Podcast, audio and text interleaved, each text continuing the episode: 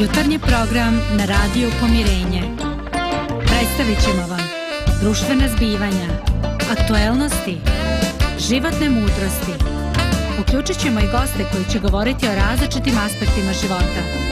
Sve ćemo bogatiti dobrom muzikom. Sve to samo za vas. Jutarnji program.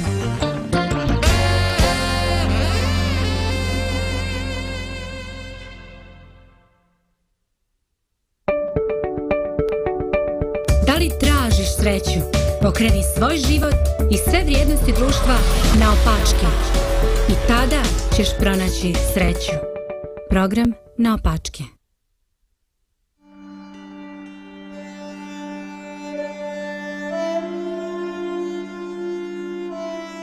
heard that it hath been said, an eye for an eye, and a tooth for a tooth. But I say unto you that ye resist not evil.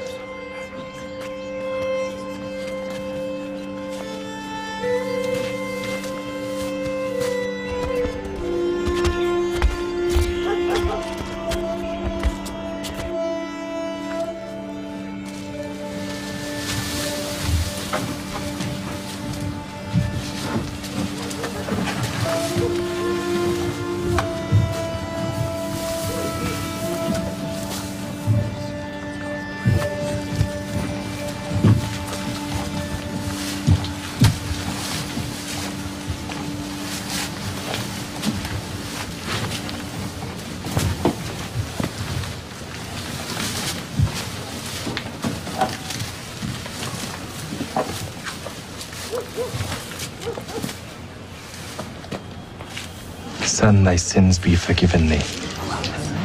Why does this man thus speak blasphemies? Who can forgive sins but God only? Why reason ye these things in your hearts? Whether is it easier to say to the sick of the palsy, Thy sins be forgiven thee, or to say, Arise, and take up thy bed and walk?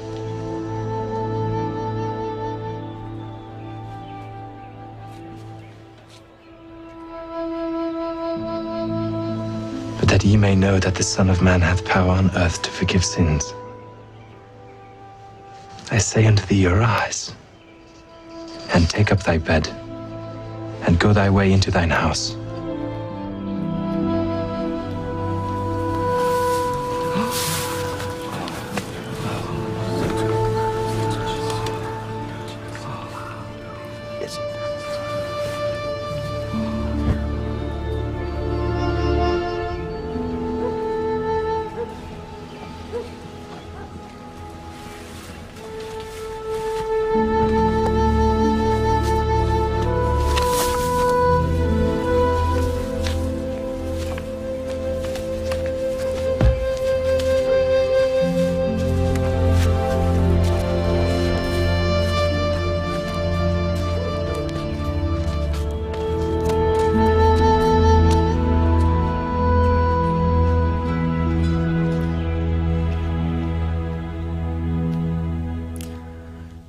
Dobro jutro, dragi gledalci, slušalci našeg programa Radio Pomirenje.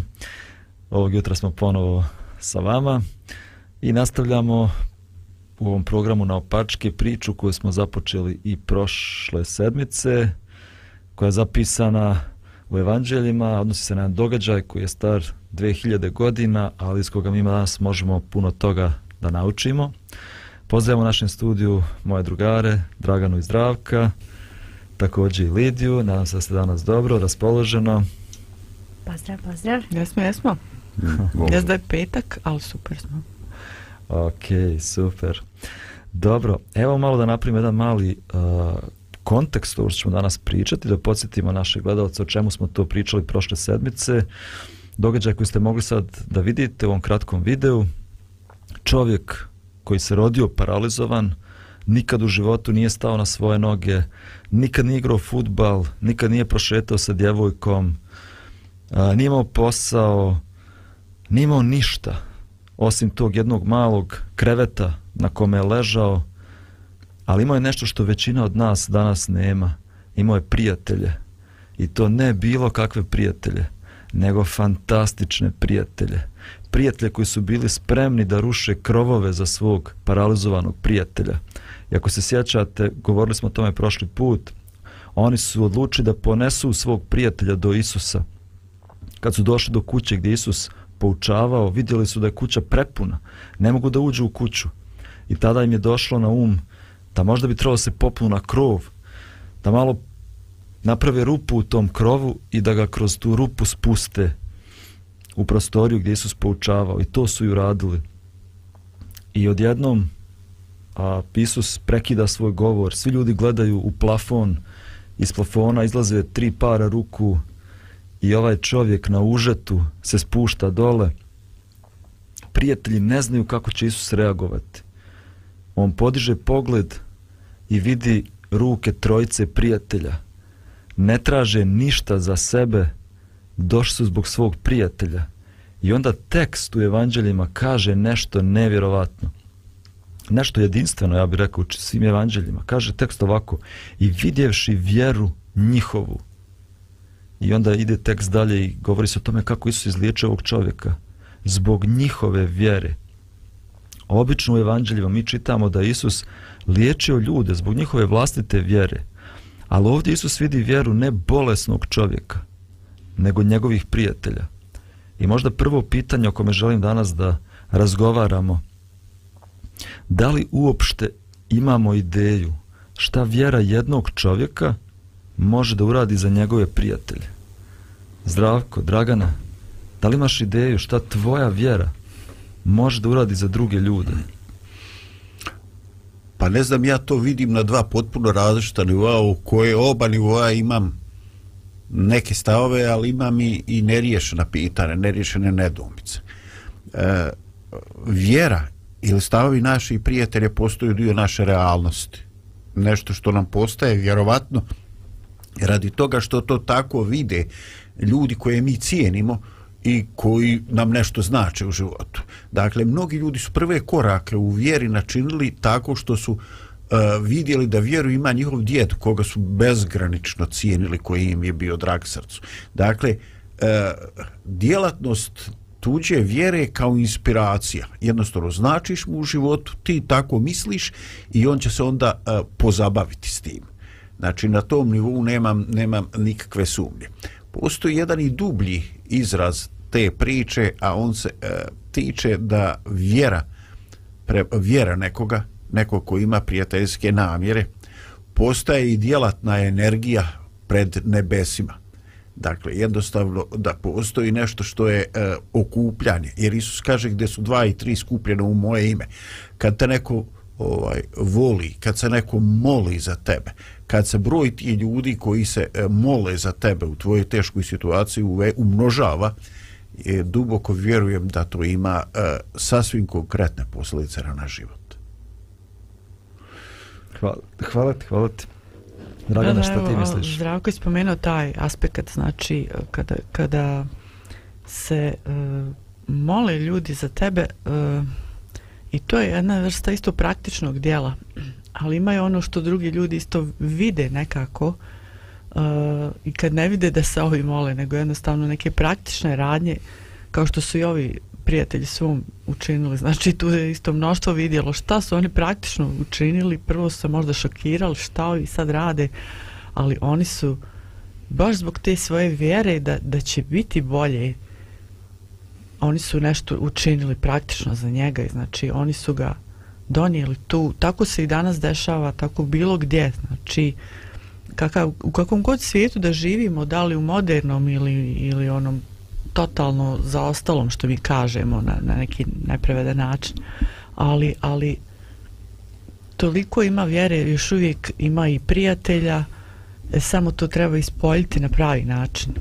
Možda je važno i ovaj, ne samo e, to naše, što je zdravo kaže, kako, kako oni vide iz jednog aspekta tu situaciju, kako ja vidim, možda sam ja bez vjere, bez nade, bez, bez, beznadežan u tome svemu, a oni vide to, ma, ma to će sve biti bolje, znači, ali svejedno, ovaj, um, treba, treba pokušati makar, makar imali strah u sebi, znači i mi da pomognemo drugima, a i da, da vidimo možda su drugi u pravu, možda ja trebam nešto da pokušam da, Mhm. Da. da probudi to nešto nadu u meni. Ako dozvoliš dok je Dragana izviri prekinuo sam. Ovaj, dok, je, e, dok je Dragana pričala, pojavila mi se još jedna misao. Dakle, uh, uzalud mi imamo neku aktuelnu muku, potrebu, ako to ne znaju ljudi. Znači, ne možeš ti doživjeti saosjećanje, pomoć, neko čovjekoljublje, ako je tvoja potreba i tvoja muka nevidljiva. Prijatelji služe da aktualizuju tvoju muku. Znači, to što bravo. oni primjećuju tvoju potrebu, ta potreba postaje vidljivija uh, većoj, veće broj ljudi i povećava se broj ljudi koji bi eventualno mogli da ti pomognu na ovaj i onaj način. Ovaj, zato, postoji ono da ovaj kad se nažalost dešava neko ko je u anonimus, ko živi u negde na nekoj periferiji dešavanja i svega i živi i muči se, a, a treba čekati, treba dočekati da ga neko primijeti njegov problem i da ga aktualizuje.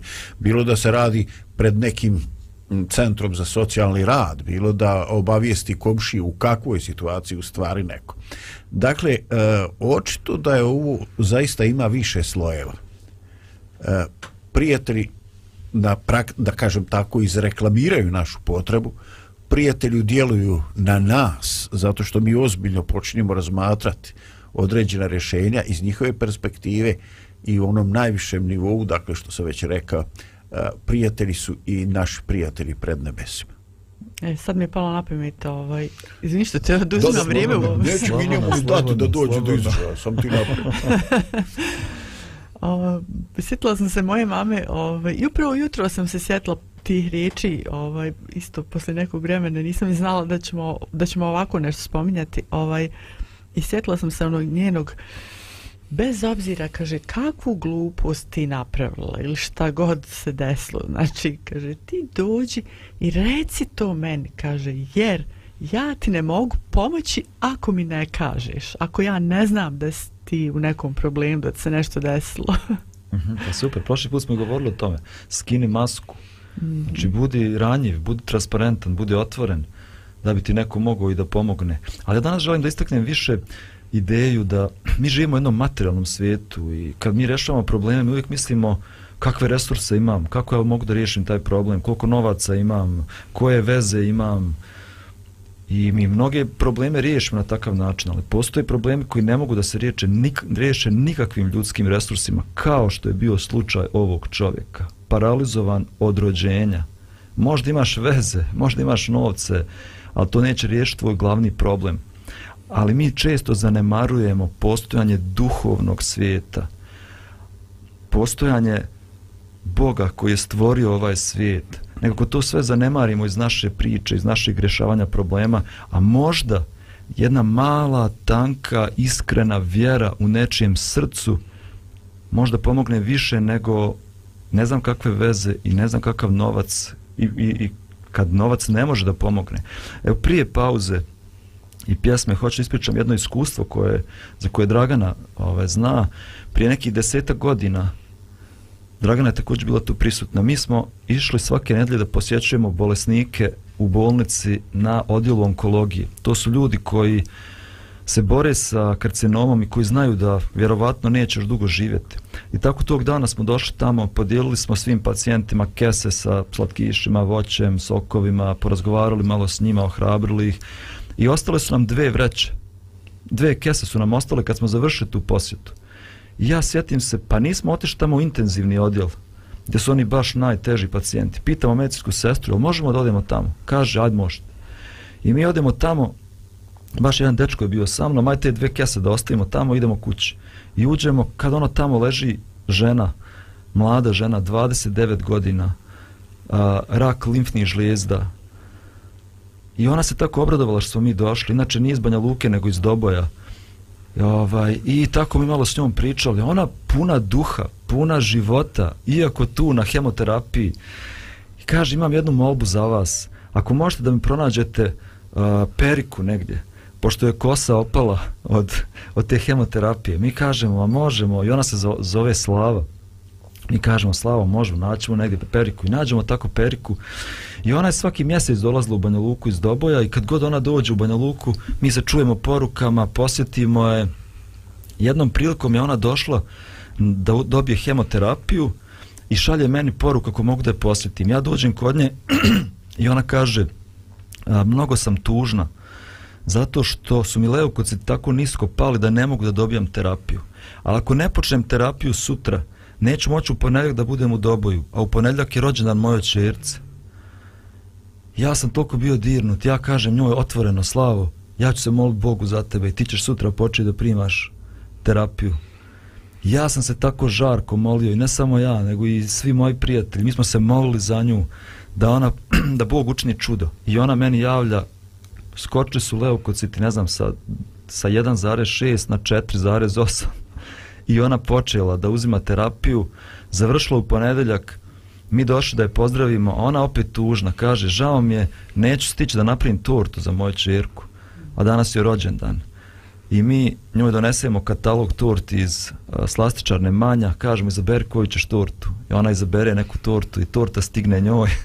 I ona ode kući s tortom, piše meni poruku, kaže, ne mogu da ti opišem kako se moja čerka obradovala kad je vidjela mene još s tortom u rukama. Uh, jednom prilikom smo čak došli kod nje, otišli smo kod nje vozom u Doboj da je posjetimo, nismo joj ništa rekli. Nego smo otišli tamo kad smo došli pred njenu zgradu. Ja je nazvam na telefon i kažem, izađi na terasu. Ona izađe na terasu, a mi dole nas deset stojimo, mašemo joj. Njena majka, njena tetka koje su tu bile šokirane. Ko su ovi neki nepoznati ljudi iz Banja Luke došli zbog njihove slave? Jedan naš prijatelj je uzgajao štenad i pa smo donijeli jedno štene Rottweilera sa mašnom oko vrata. I tako sam se ja žarko molio za slavu. Nekad sam se molio, rekao sam gospode, evo uzmi moj život, samo nek ona, nek ona živi. Jednog dana me ona zove iz Beograda i kaže, evo me u Beogradu u bolnici, nema ni traga od raka.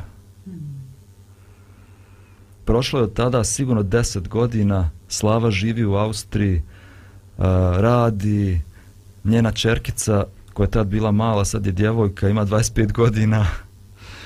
A u Svetom pismu kaže ovako, molite se Bogu jedan za drugoga da ozdravljate, jer molitva pravednika može mnogo pomoći. Ajde idemo malo na pauzu muzičku pa ćemo nastaviti ovu priču. U tvojim rukama je cijeli život moj Znam da ti si sa mnom Kroz bol kad prolazim Moja si utjeha Moja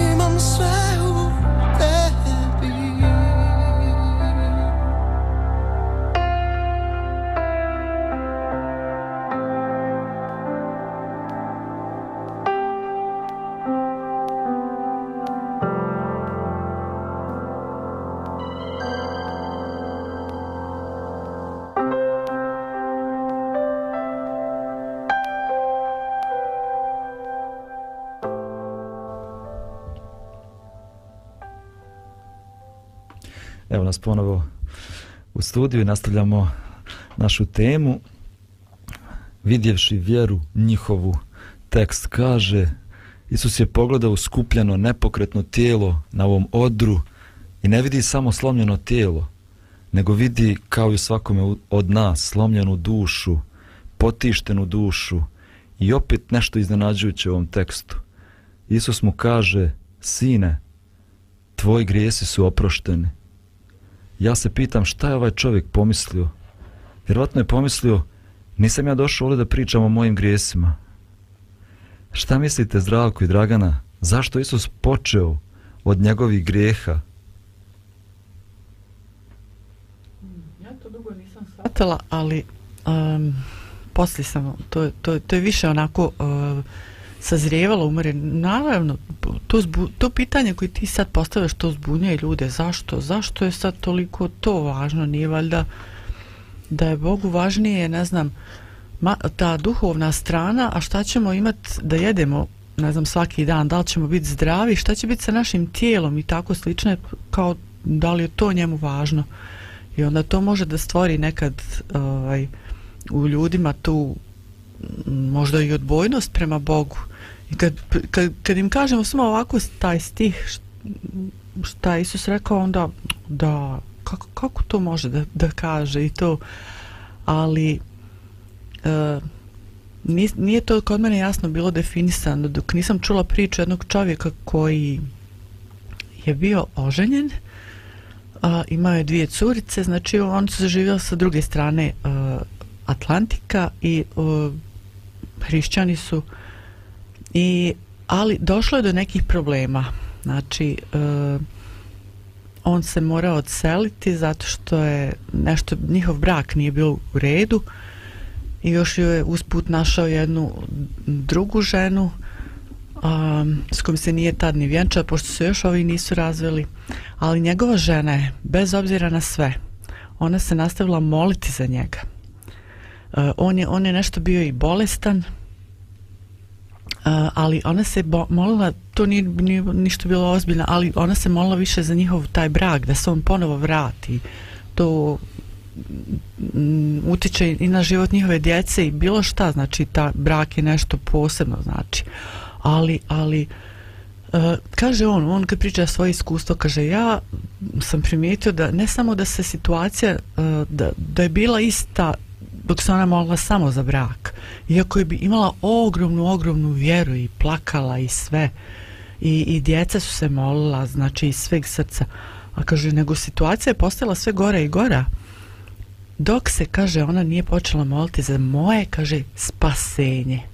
Pošto u njemu se nagomilavalo sve više tog crnila, ne znam kako to da opišem, o, nije čak htio da, da s njima komunicira, nije imao neku veliku želju da vidi svoju djecu, kako je to sve uznapredovalo. Međutim, kaže, kad se ona počela moliti za moje spasenje, da ja postanem bolji čovjek, da se nešto u meni razbistri, da postane čisto i sve to vezan upravo za ovo što si ti rekao um, gresi i sve to e onda kaže počela je polako da se odmotava situacija bude bolja da, da, da ja nešto osjećam da se u meni uh, savjest budi i onda kaže iako, iako su kaže bile i teške nevolje kroz to kroz to svi smo morali proći kroz to ali se kaže rješavalo i došlo je do pravog cilja i obnovili su svog, svoj brak. Mm -hmm, super, super. Hvala ti. Zdravko, šta ti misliš? Da li bolest možda bude posljedica nekog našeg psihičkog stanja, osjećanja, krivice, na primjer? E, ja mislim da to više uopšte nije upitno, čak za ljude koji nemaju te neke duhovni aspekti života.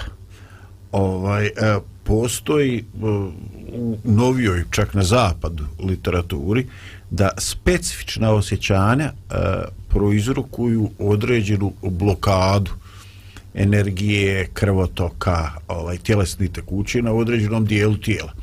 Ovaj, pa se tačno zna, recimo, da ovaj, e, da će bijes, strah djeluju recimo na želudac, na kičmu i tako. Dakle, e, jednostavno određeno mentalno psihičko raspoloženje ima svoj odraz na konkretnom dijelu našeg tkiva i čini ga manje prokrvljenim, manje vitalnim i tako. Dakle, ja definitivno u tom nemam, nemam nikakve sumnje. Ovaj, i, I jednostavno problem je e, što e, u nekome početnom stadiju čovjek doživljava Boga kao vanjski autoritet koji eto nešto hoće, a ja bih htio samo me pustiti da živim a u na nekom e, kasnijem, naprednijem stupnju ovaj, čovjek svata da to nije nikakav vanjski zahtjev, sad Bog hoće i to je kao vanjski autoritet, nego da je to jednostavno princip života, nešto, princip po kojem funkcioniše moj život, moje tijelo, moj psihički i fizički život. I kad se ja griješim, ja se griješim tijelu svojeme, griješim se svojoj psihi, griješim se uh, svom životu, svom, svojima bližnjima. Dakle, ne problem koji je u odnosu na Boži autoritet, na sukop s njegovim autoritetom, nego problem e, sa fiziologijom. Problem, ja sam u, u problemu, u konfliktu sa životom.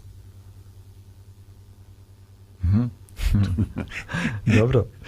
A, ja sam jučer baš snimao jednu emisiju ovaj, Studio Reset, pa sam govorio o osjećanju krivice, um, gdje govorio sam o ljudima koji 20, prije 20 godina su nešto uradili, ali 20 godina ih opterećuje njihova savjest. Osjećaju tako snažan osjećaj krivice i sve to naravno da utiče na naše zdravlje. I u ovom slučaju ovog čovjeka kojeg Isus izliječio, on ima jedan još veći problem. U to vrijeme su vjerovali, ako si bolestan, to je zato što si grešan. Ili su griješili tvoji roditelji, pa si zato se razbolio. I cijeli život, osim toga što je, što je bio bolestan, što nije mogao da hoda, još je trpio i smijavanja, da je on najgrešniji od svih ljudi. Što si bio bolesniji, što je teža bolest bila, smatralo se da si to grešniji, da imaš neki veći grijeh u svom životu. I da bi Isus izliječio njegovo tijelo, morao je prvo da izliječi njegov um i njegovu dušu. Morao je da začuje riječi, oprošteno ti je, Bog te voli, ti si čist. Rastarećenje. Mm. Jeste, jedno psihičko rastrećenje. Kakva bi korist bila da ga Isus izliječi fizički, a on nosi ogroman teret u svom umu, psihički opterećen. Isus želi da ga kompletno izliječi i emocionalno, i duhovno, i fizički. Um, dobro, nismo još završili ovu priču, ima tu još jako zanimljivih detalja u priči. Tu su prijatelji, tu je čovjek koga Isus liječi, ali tu su neki drugi ljudi kojima se to uopšte ne sviđa, koji gunđaju zbog toga, koji nisu sretni što je ovaj paralizovani čovjek došao, nisu sretni da čuju ove Hristove riječi. Ali ajde, tome ćemo malo da pričamo nakon da. muzičke pauze. E, oprosti, Može. ali pogledaj, ovaj, evo mi imamo običaj da kažemo kao ovaj, e, u novije doba, je, šta ja znam, ljudi su prepoznali taj holistički pristup medicini kao integrativno liječenje kompletnog čoveka, njegovog, dači fizičkog, psihičkog, socijalnog, svakog drugog aspekta njegovog života, da to sve nekako treba dotirati u ravnotežu i onda ti ima šanse da se on obnovi, da se uskladi, da, da jednostavno dođe u nešto u sinhronizaciju. A pa evo ljudi, ovo je dakle očit, potpuno očit primjer takvoga, takvoga a, pristupa zdravlju života još početkom ere iz Isusovog vremena. Da, fantastično, fantastično. Prije 2000 godina. Da. I onda mi to otkrijemo, znaš, onda mi to otkrijemo i, i pričamo to na nekim naučnim simpozima, eto sad otvorila nam se ovaj prozor i ovaj, eto vidite vi šta nauka radi, a onda neki čiča džet kaže gore z golije, s planine, kaže, bon ljud, to Isus pričao pre dvije godina, šta je vam, jeste vi pamet? ok, super, evo jedna muzička numera, pa ćemo nastaviti.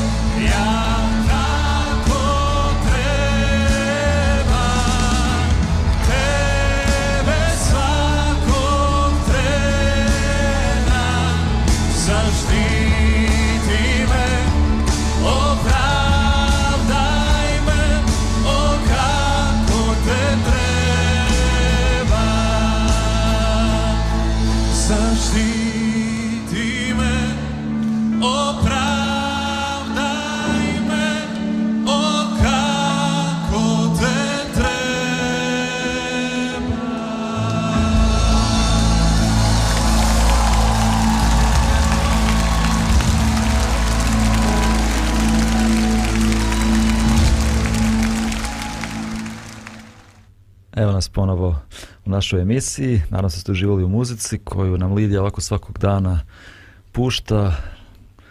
Um, sad je vrijeme za dobre vijesti, pa ćemo nakon toga nastaviti našu priču. Dobre vijesti dolaze iz Maglaja, a radi se o jednom čovjeku koji se zove Ibro Lokmić, živi u Maglajskoj donjoj Mahali. Jednog dana Ibro je mislio da je skrivena kamera u pitanju, jer je na putu našao razbacane novčanice u ukupnom iznosu od hiljadu maraka. A, gledao je da li ima negdje neka kamera, vidio je da nema kamere i onda nije znao šta da radi, onda je prvo uzeo telefon i slikao te novčanice. Pokupio ih i odnio u radnju gdje je radio. Tamo su njegove kolege rekle, nemoj ipak da objavljuješ da si pronašao, možda sačka je prvo da se javi neko ko je to izgubio. I kasnije tog dana njegova žena stvarno pročitala ovaj, novinama da jedan sugrađanin izgubio novac. Sugrađanin se zvao Adel Husić. Adel Husić je došao, on ga je pozvao, Adel Husić je došao u njegovu radnju i bio iznenađen što ovaj čovjek našao novac i što je spreman da mu da taj novac. A, naš junak Ibro nije želio da dobije nikakvu nagradu za ono što je učinio, međutim Adel je rekao da do kraja svog života ima besplatnu frizuru, zato što je on frizer. Eto, nadam se da će vas ova priča da motiviše, da danas učinite nešto dobro, da budete prijatelji nekome, da danas usrećite nekoga. Kao što su i ova četiri prijatelja, tri prijatelja uradili za svog paralizovanog prijatelja. I vraćamo se ponovo nazad na ovu priču. Rekli smo da tu nalazimo i neke druge likove. Likove koji nisu baš tako pozitivni.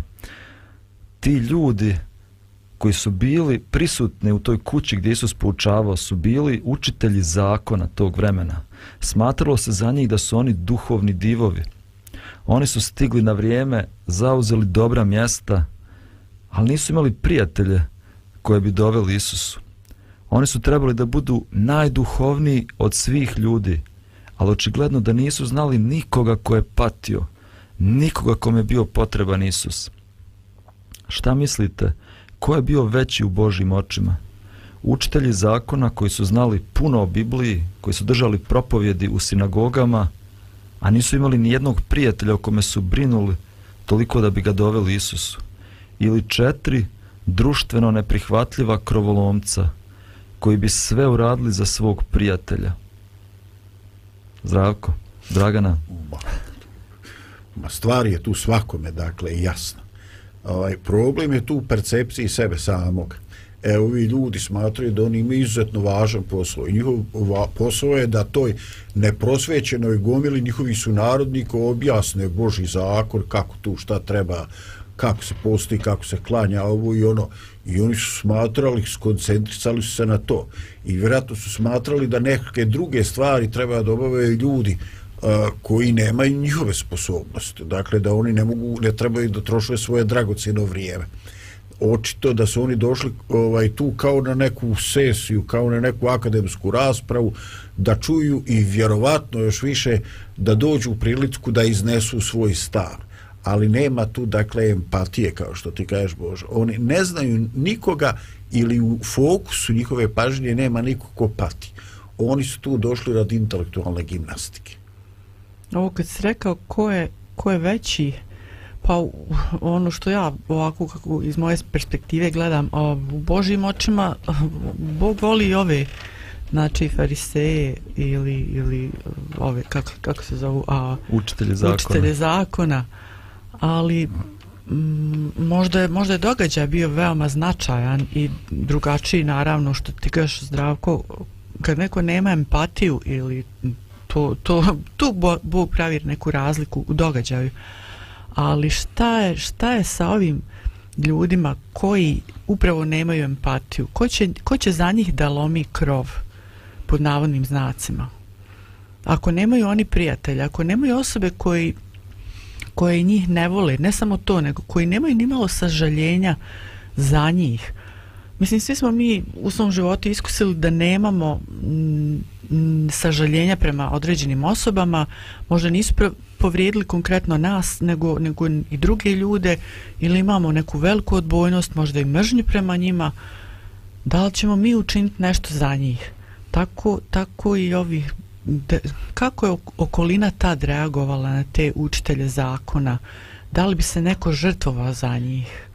Da li bi neko lomio krov? To je ono što, što se meni javilo kad si ti postavio to pitanje u glavi. Znači, kako, da li oni imaju šansu?